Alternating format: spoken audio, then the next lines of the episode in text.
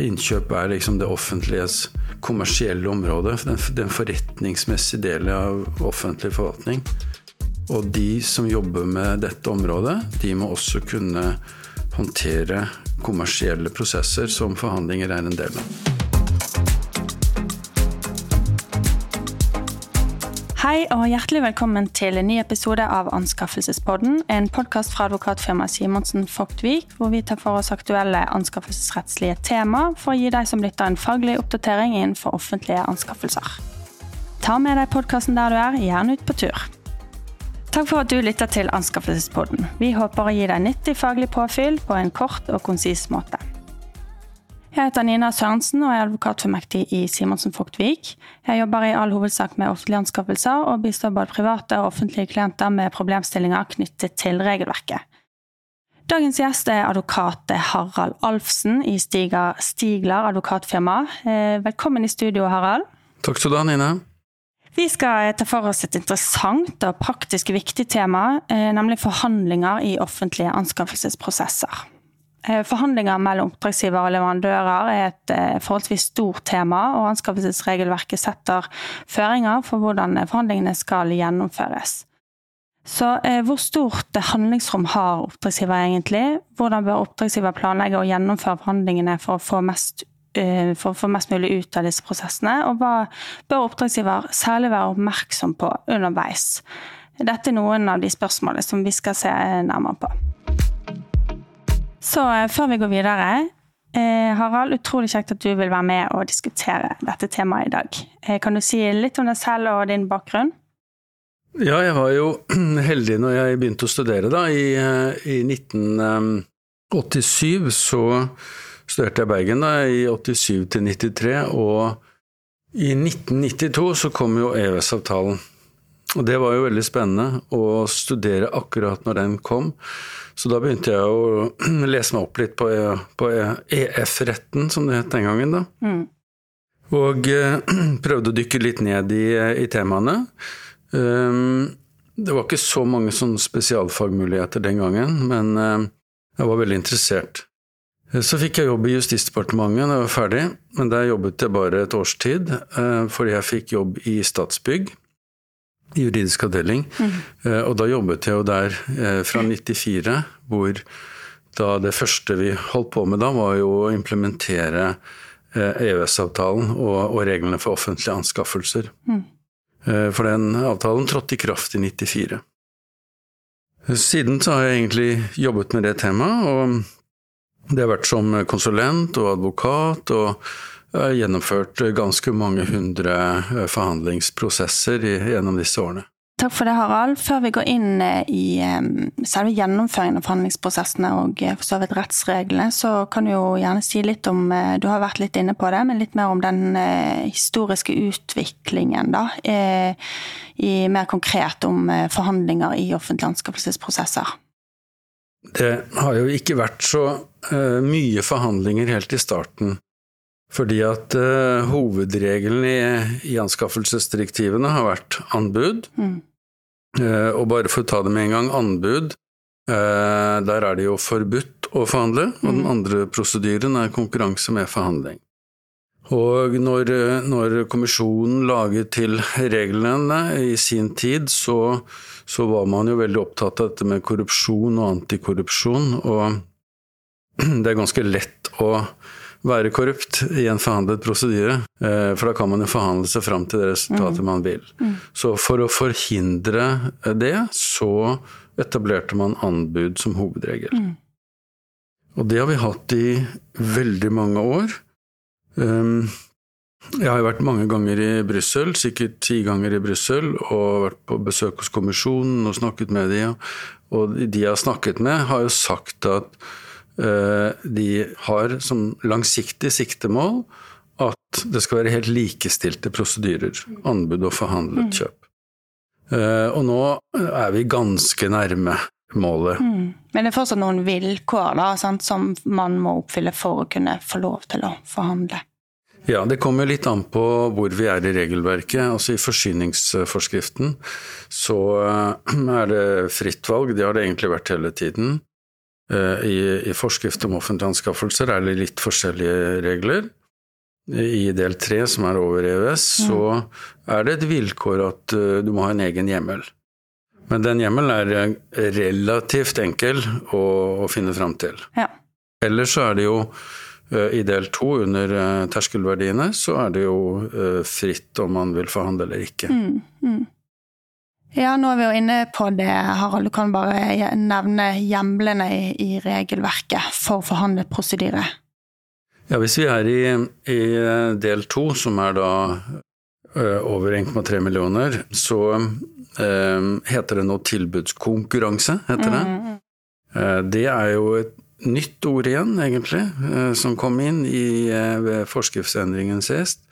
Eh, tilbudskonkurranse har nok historisk vært det samme som forhandlet prosedyre, mens anbudskonkurranse har vært anbudskonkurranse. Mm, uten forhandlinger. Uten forhandlinger. Mm. I del to så er det da fritt om man vil ha en åpen eller begrenset tilbudskonkurranse. Eh, og der er det også fritt ganske stor frihet om man vil forhandle eller bare foreta avklaringer.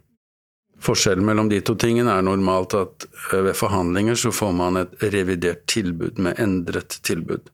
Men det, her står jo oppdragsgiver veldig fritt, både til hvordan de planlegger og gjennomfører, så lenge det er lys av likebehandlingsprinsipp. Ja. I del tre er det jo litt mer, eh, litt mer kronglete. Der må man ha hjemmel, og har du en ren priskonkurranse, så har du normalt ikke hjemmel for forhandlinger. Men i det øyeblikk du skal uh, få tilbud inn som sier noe om oppgaveforståelse eller løsningsmodeller og den type ting, og du har behov for å diskutere med leverandøren, så har du hjemmel til å forhandle. Mm. Men det er veldig viktig at uh, det foreligger en uh, skriftlig begrunnelse, at det ligger et notat på saken, og at det blir protokollert. Mm.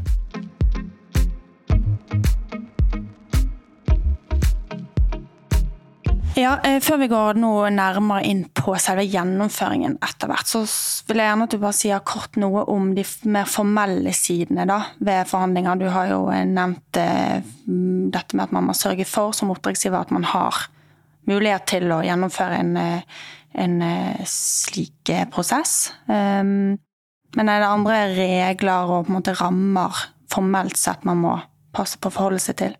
I utgangspunktet er det jo formfrihet.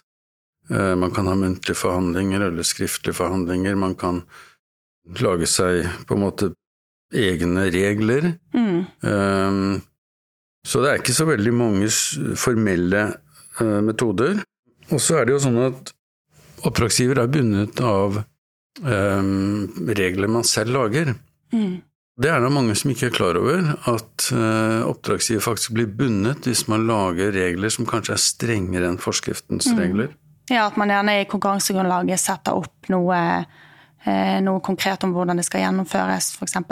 Ja, vi skal forhandle med alle, ja. eller eh, um, Hvis de lager seg prosesser for det, vi skal forhandle mm. med en gruppe, eller mm. Og det går jo på forutberegnelighet, da. Nettopp. Mm. Men, eh, men, denne formfriheten gjør også da at dette kan, dette kan variere veldig. Det de fleste gjør, er jo Man rangerer jo uh, tilbudene. Altså det, det, må man nok gjøre. Rangere de først, og så kan man begynne å velge. Skal jeg forhandle med bare én eller to eller tre, eller skal vi som prinsipp forhandle med alle? Mm. Jeg syns jo det er et lurt prinsipp, at alle skal få lov å gi uh, et revidert tilbud. Ja.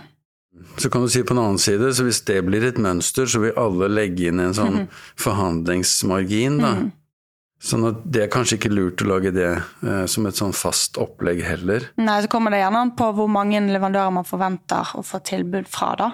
Om det er 3 eller 15, vil jo gjerne være betydning der. Ja, og da mm. kan man skalere ned før ja. man begynner. Mm.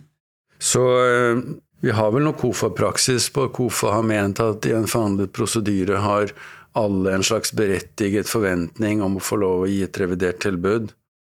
Eh, men det tror jeg ikke vi kan legge helt bokstavelig til grunn. Nei, nei. Mm. Så jeg tror tilbud, tilbydere må være klar over at de eh, ikke er garantert å få lov å gi et revidert tilbud.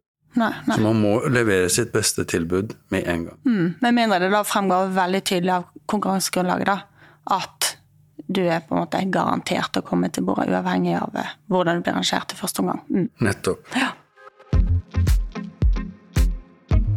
Eh, Sammenhengen mellom evaluering og gjennomføring av forhandlinger. Du sier man gjerne man bør først rangere eh, tilbudene. Det jo kanskje, ligger jo gjerne en evaluering til grunn allerede der.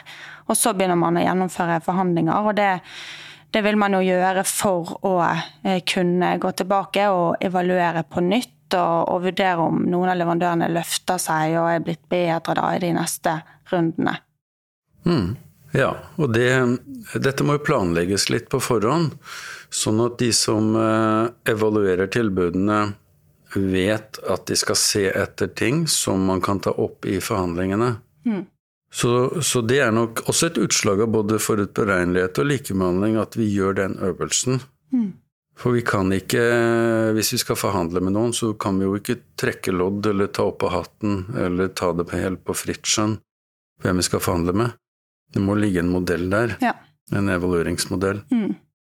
Eh, Og da er det veldig lurt å notere ned de spørsmålene man har, og så kan man bygge ut den matrisen med å putte inn svar, og så må må man ha en egen kolonne for revidert karakter, osv.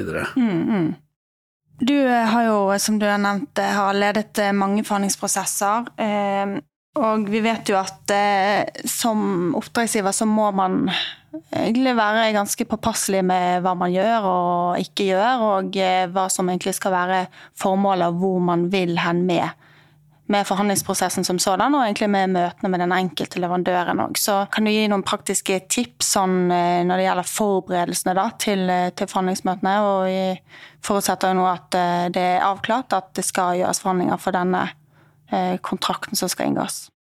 Ja, jeg ville jo begynt med noen litt interne forberedelser først. Litt sånn forhandlingsteknisk. Og det første som jeg pleier å begynne med, det er en sånn interessentanalyse. Hvor jeg prøver å finne ut hvem er det som har interesse av eh, resultatet vi kommer til. Hos oppdragsgiveren, altså hvis jeg sitter på oppdragsgiversiden. Det forutsetter jeg nå, da. Og det er ofte sånn da at en toppleder, det kan være en ordfører, eller det kan være en, en eller annen leder som har veldig sterke meninger, de må vi fange opp. Sånn at vi får med oss på en måte um, tekniske sjefer, alle som, ja, alle som vil komme til å mene noe. Forankre He- he- Helst å kunne forankre det, ja. Og så er jo dette med mandat viktig. Vi må vite hvor vi eh, skal hen. Vi må være enige internt om hvilket mandat vi har. Eh, hvor langt skal vi presse på forskjellige områder, osv. Eh, og det med mandat, bare for å si det med en gang, det er veldig viktig, for vi vet jo at eh, motparten også vil ha noen mandater.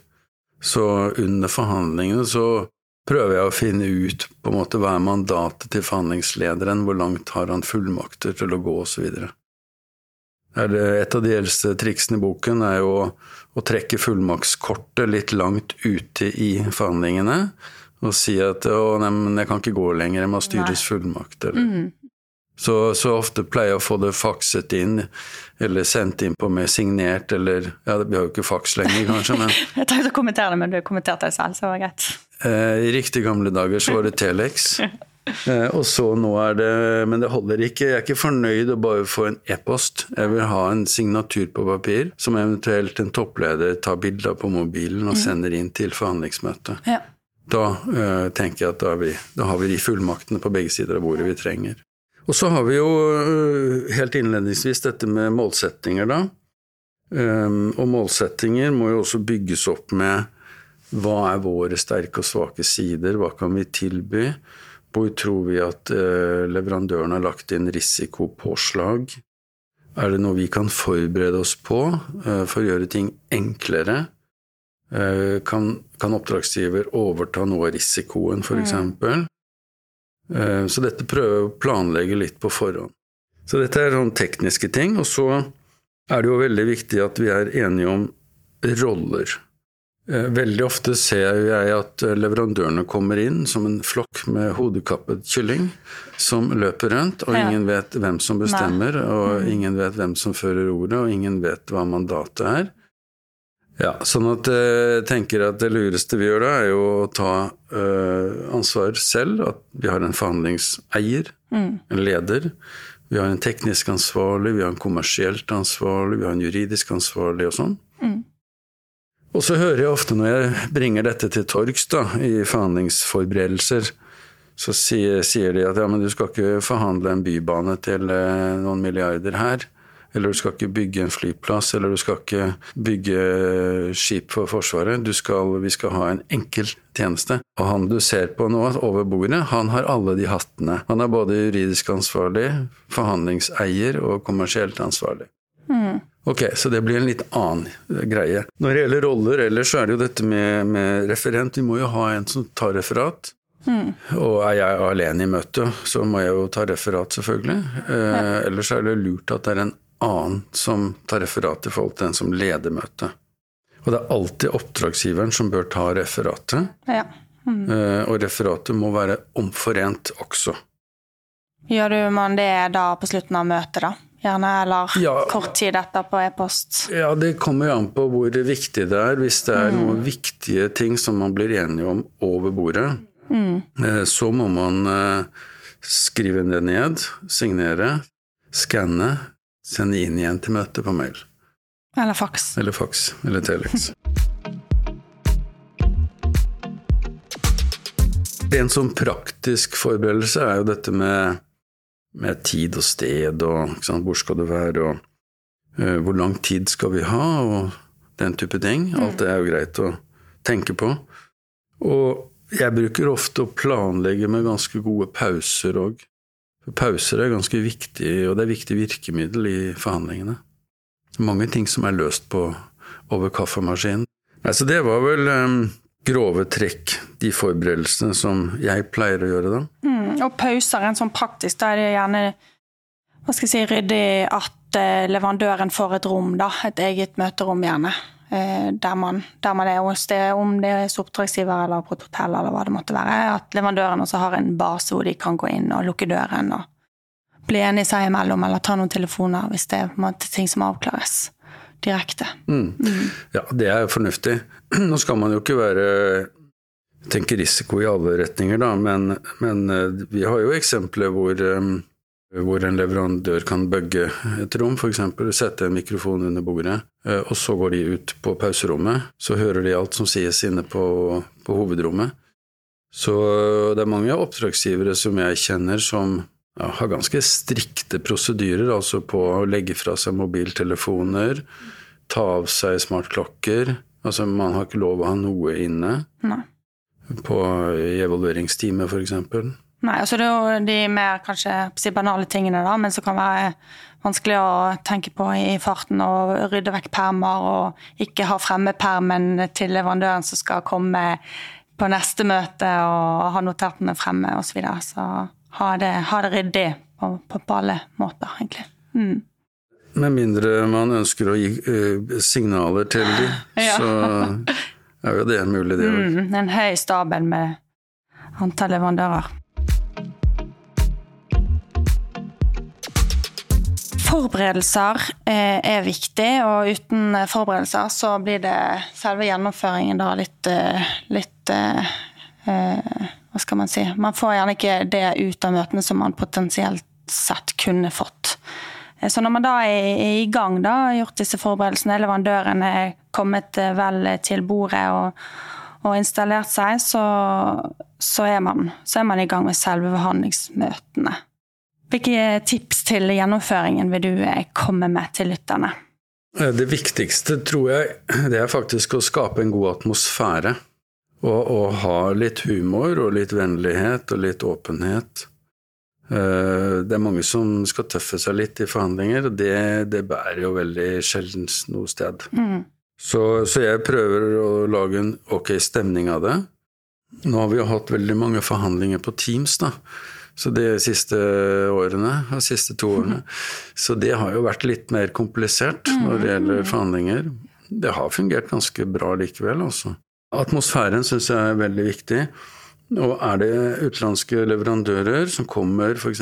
til Norge, så bør man ta seg litt ekstra av de. Mm. Tenke at vi må lage litt slack, vi må lage litt lunsj, vi må lage, ta de ut på middag, altså gjøre litt sånne ting. Mm. Og bli litt kjent. Mm. Ta ned garden litt. Ja. Eh, fordi at når jeg har vært eh, forhandlet i utlandet, så blir vi også veldig tatt godt imot mm. av av uh, leverandører, f.eks. i utlandet. Da. Ja, det er ulike kulturer. Jeg kan tenke meg at det er oppdragsgivere her som men når du nevner ta, ta med leverandørene på middag, at man kan bli litt, eh, få litt høy puls bare av tanken på er det, er det lov, er det greit? Men eh, det er jo egne ram, rammer for det, da. Ja da, det er ikke noe problem. Eh, men du må likebehandle, selvfølgelig. Ja. da. Så du kan ikke gå ut og dine vine med én og la de andre spise knekkebrød på hotellrommet. Nei, nei. Mm. nei, Så du må likebehandle. Mm. Men det er ikke noe problem. altså Jeg syns man må være litt raus. Ja. Og så er det jo sånn at uh, Eh, det er ikke sånn at man på en måte råforhandler over bordet. Jeg vil ha, eller du vil ha, og sånt. Dette er ofte en modningsprosess, mm. Hvor man tar og føler på liksom, de forskjellige elementene av et tilbud. Jeg pleier ofte å begynne med tekniske ting, tekniske avklaringer. At leverandøren får presentert løsningene sine og modellene sine, hva de bruker, hvordan dette skal samhandle med andre ting og sånn. Eh, og så eh, har vi selvfølgelig en, en, del tekniske spørsmål til det. Og i beste fall så har vi sendt over til leverandøren eh, de tingene som vi ønsker svar på. Sånn at vi ikke starter forhandlingene med en helt åpen bok. Vi må starte med at vi har utfordret de litt på forhånd. Mm. Og da er vi tilbake til den evalueringsmatrisen ja, igjen med spørsmålene. Ja. Mm. Den kan vi da klippe ut og sende, de, sende til leverandørene. Mm. Jeg forventer veldig sjelden noe sånn rett over bordet, for ting må, må modne seg lett. Da, at man blir, kommer litt uh, i gang. Og så, og så, bruker jeg ofte å stille veldig mange spørsmål, veldig mange åpne spørsmål. Mm. Hvorfor er det slik og ikke slik, ikke sant? Og hvordan, eh, hvordan har dere lagt inn risiko her? Eh, hvilken underleverandørstrategi har dere? Hvor mange har dere bundet opp, hvor mange har dere ikke bundet opp? Mm. Hvor mange forhandler dere med fortsatt? Mm.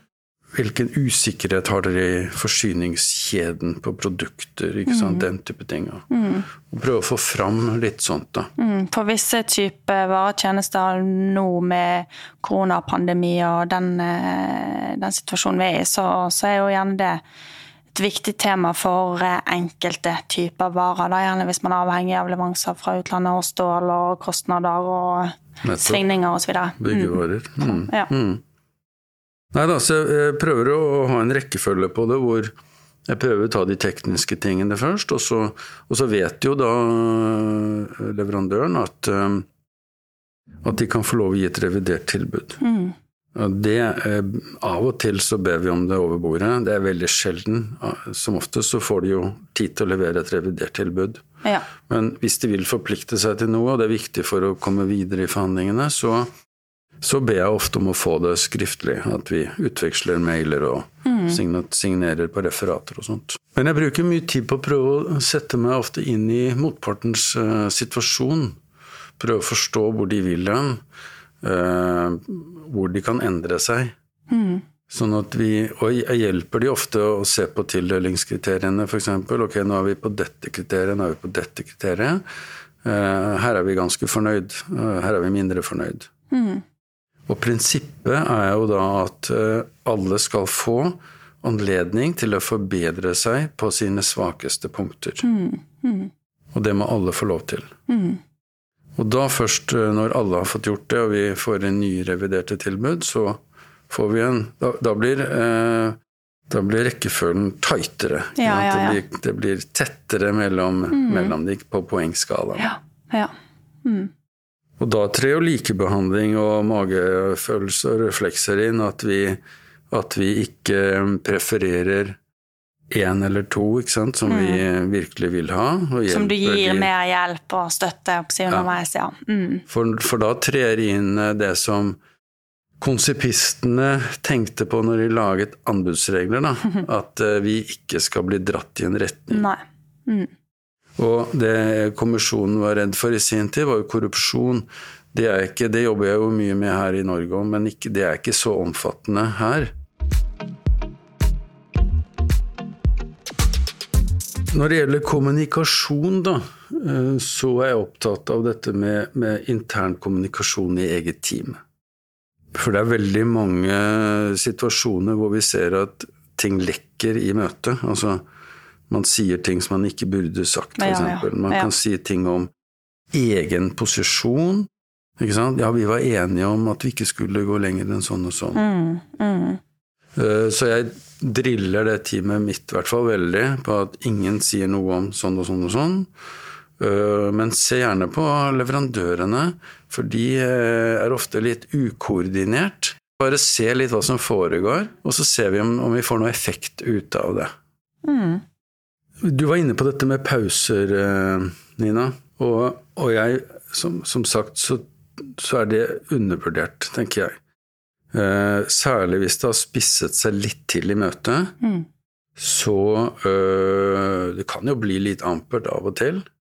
Eh, jeg har vært med på å kaste kulepenner, eller bli kastet kulepenner på. Men, øh, men, øh, men det er sjelden noe går i stykker, da. Mm. Men det kan bli litt hissig ja, ja. for noen. Ikke på, mm. ikke på oppdragsgiversiden vanligvis, men særlig mm. på leverandørsiden, hvis man føler seg tråkket, herset med eller tråkket på og sånn. Mm, mm. Så da uh, bruker vi møter, nei, pauser som mm. en teknikk. Ja. Og som oftest når jeg er forhandlingsleder, så er det mye lengre pauser enn forhandlinger. Uh, og da kan det være at, uh, at vi går ut på kaffemaskinen, prater litt om, uh, om familie og vær og vind og kulepenner og, sånn. Og så setter vi oss Kanskje jeg drar med meg forhandlingslederen borti sofakroken ja. og sier at dette var ikke meningen. Det var ikke sånn det skulle bli. Mm. Dette må vi finne ut av, ja. ikke sant. Mm. Så, så, hva er det du er opptatt av? Hva kan, hva kan jeg gjøre for deg? Mm. Um, så begynner vi å få en dialog på det. Mm. Og så tar man særmøter, og så plutselig blir noen borte en time på en pause for å diskutere egne posisjoner og mm. hva kan vi gi, og hva kan vi Ikke mm. sant. Det er viktig å ha nok tid. Hvis du i utgangspunktet setter opp to timer, dette skal vi klare å gjennomføre på to timer, men så skjer det ting underveis. Etter halvannen time så blir det litt, eh, litt hett og litt eh, vanskelig. Så da må man jo ha tiden, både oppdragsgiver og leverandør, til å Ok, nå, nå er det timeout, nå tar vi en pause, og så strekker dette seg eh, litt lenger utover dagen enn vi først hadde planlagt, men det er sånn vi, vi kommer best frem til en, til godt, til en god, god, slutt på møtet. Da. Ja. Mm. Men nå snakker vi jo som om alle forhandlinger ja, ja. er i gigantklassen. Ja. Vi må, hvis vi trekker oss litt tilbake, da, skalere litt ned, så er det jo sånn at eh, de aller fleste forhandlinger er mye enklere. Mm. Og det er at man får tilbud inn, mm. uh, man har evaluert.